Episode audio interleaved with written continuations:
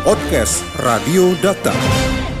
Pak Rusdi setuju atau tidak dengan sanksi bagi warga Kabupaten Bekasi yang tidak mau divaksin ini Pak dengan sanksi denda? Sebelum masuk kepada setuju atau tidak, ya kan, saya ingin mengajak kepada masyarakat Kabupaten Bekasi untuk memahami permasalahannya secara komprehensif dulu, Mas. Iya. Ya.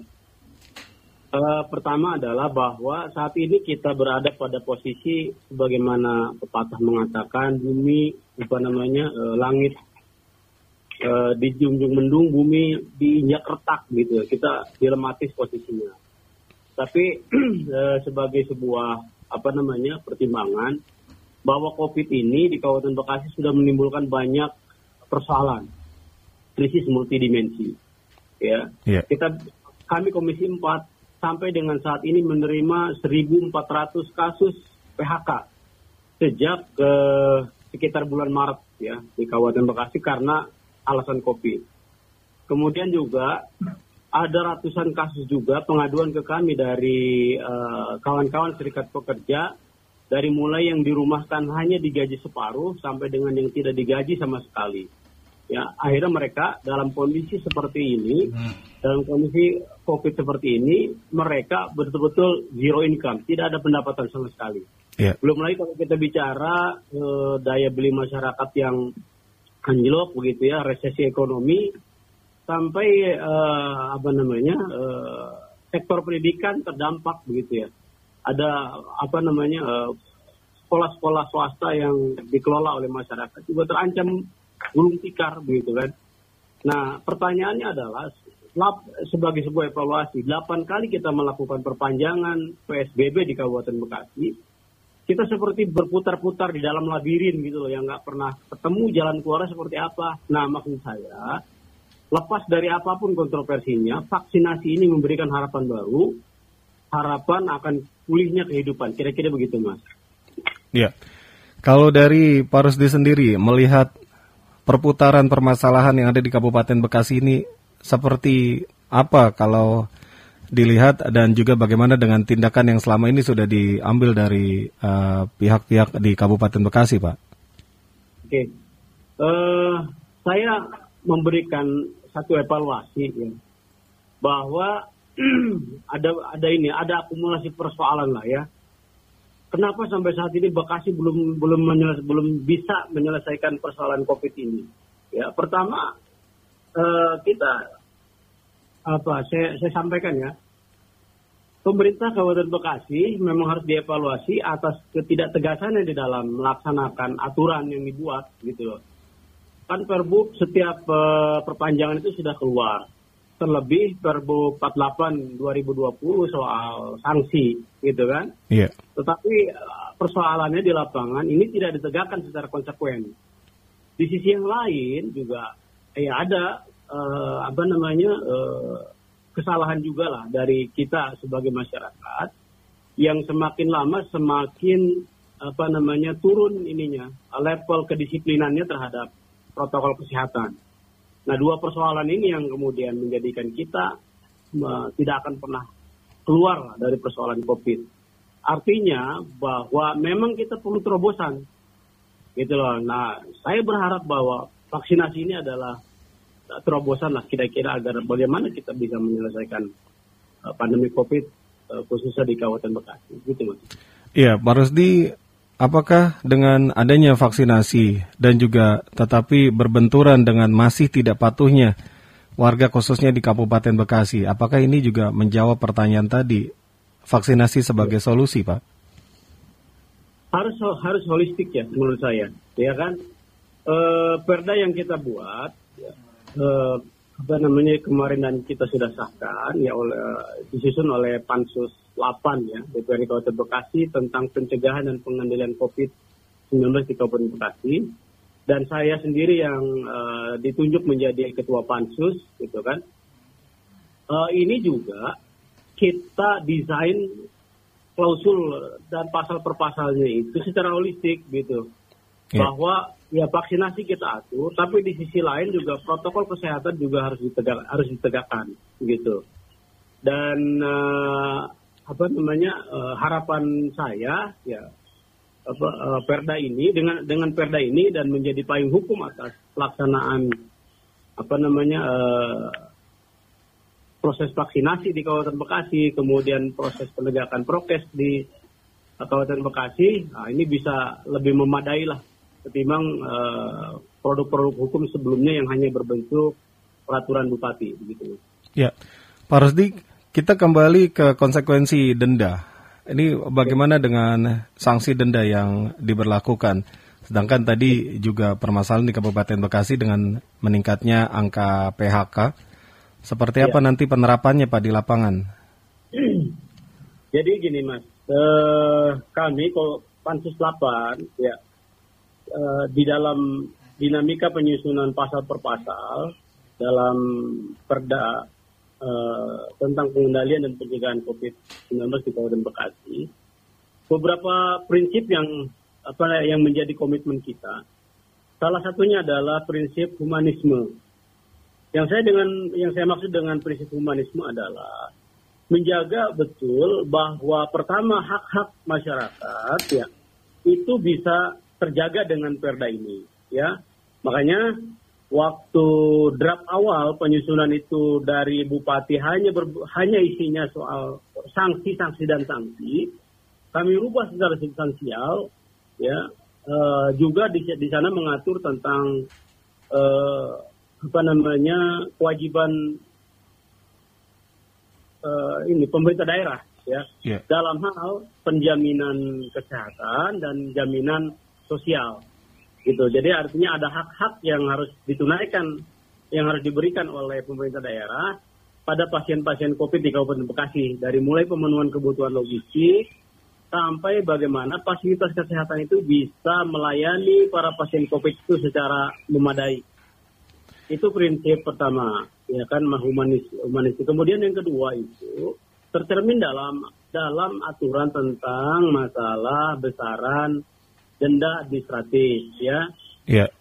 E, contoh ya, pada awalnya draft e, raperda ini ya, yang diajukan oleh eksekutif, contoh terkait dengan pelanggaran tidak menggunakan masker itu dikenakan denda sebesar 250 ribu. Ini saya lihat banyak uh, di apa namanya uh, hampir merata di semua daerah terkait dengan apa namanya dengan Eh, sanksi ini besarannya.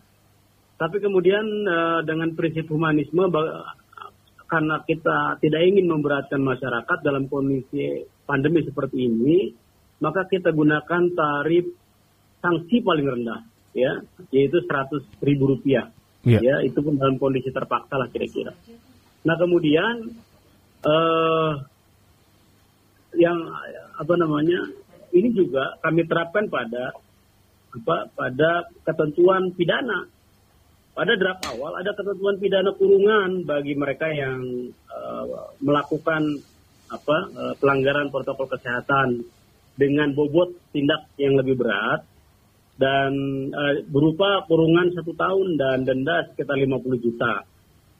Nah ini kita kita downgrade, kita hapuskan uh, kurungannya, ancaman kurungan satu tahunnya dan untuk denda administratif kita rubah dari 50 juta menjadi satu juta rupiah. Gitu kira-kira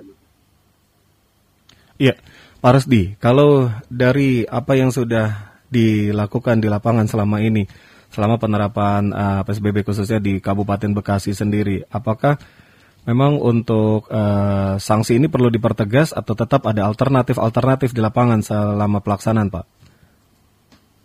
Ya, kita belajar misalkan dari beberapa negara lah ya yang sukses melaksanakan uh, menekan ya tren laju dari uh, transmisi virus COVID-19 ini.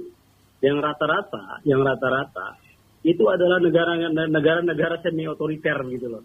Mereka menegakkan aturan itu uh, dengan keras, dengan disiplin ya, sehingga uh, apa namanya bisa betul-betul uh, menekan angka penyebaran COVID gitu ya. Iya.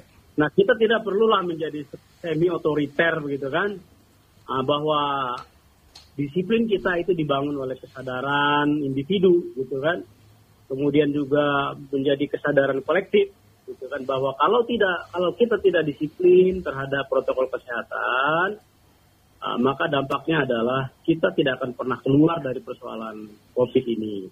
Namun demikian, tentu uh, pada beberapa kasus memang perlu ada apa namanya uh, eskala peningkatan eskalasi sanksi.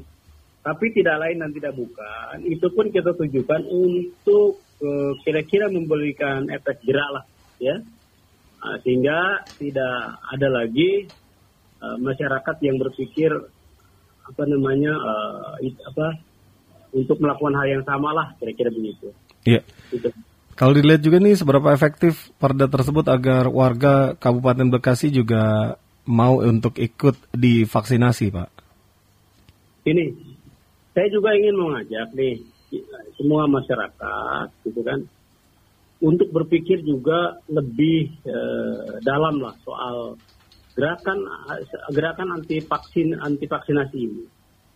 Dalam dalam kajian saya begini, bahwa gerakan gerakan anti vaksin ini sudah ada bahkan sebelum uh, vaksinasi COVID-19 ini ada gitu loh. Yeah. Ada ada masyarakat yang menolak vaksin polio, vaksin rubella, ya kan kaki gajah dan sebagainya. Memang sudah ada gerakan anti vaksin ini yang kemudian ini terakumulasi gitu loh secara politik dengan ya tadilah ada pembelahan di masyarakat karena isu-isu yang terjadi ketika pilpres begitu ya. Yeah.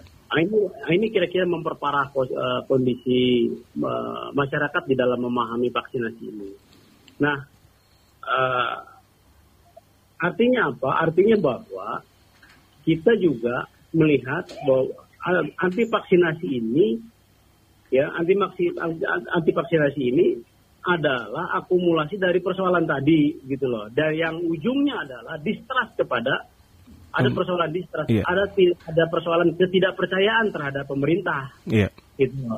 Dan tugas pemerintah ini adalah bagaimana melakukan edukasi yang baik kepada masyarakat sehingga persoalan vaksinasi ini uh, bisa apa namanya bisa diterima oleh masyarakat dengan uh, logika yang sebenarnya.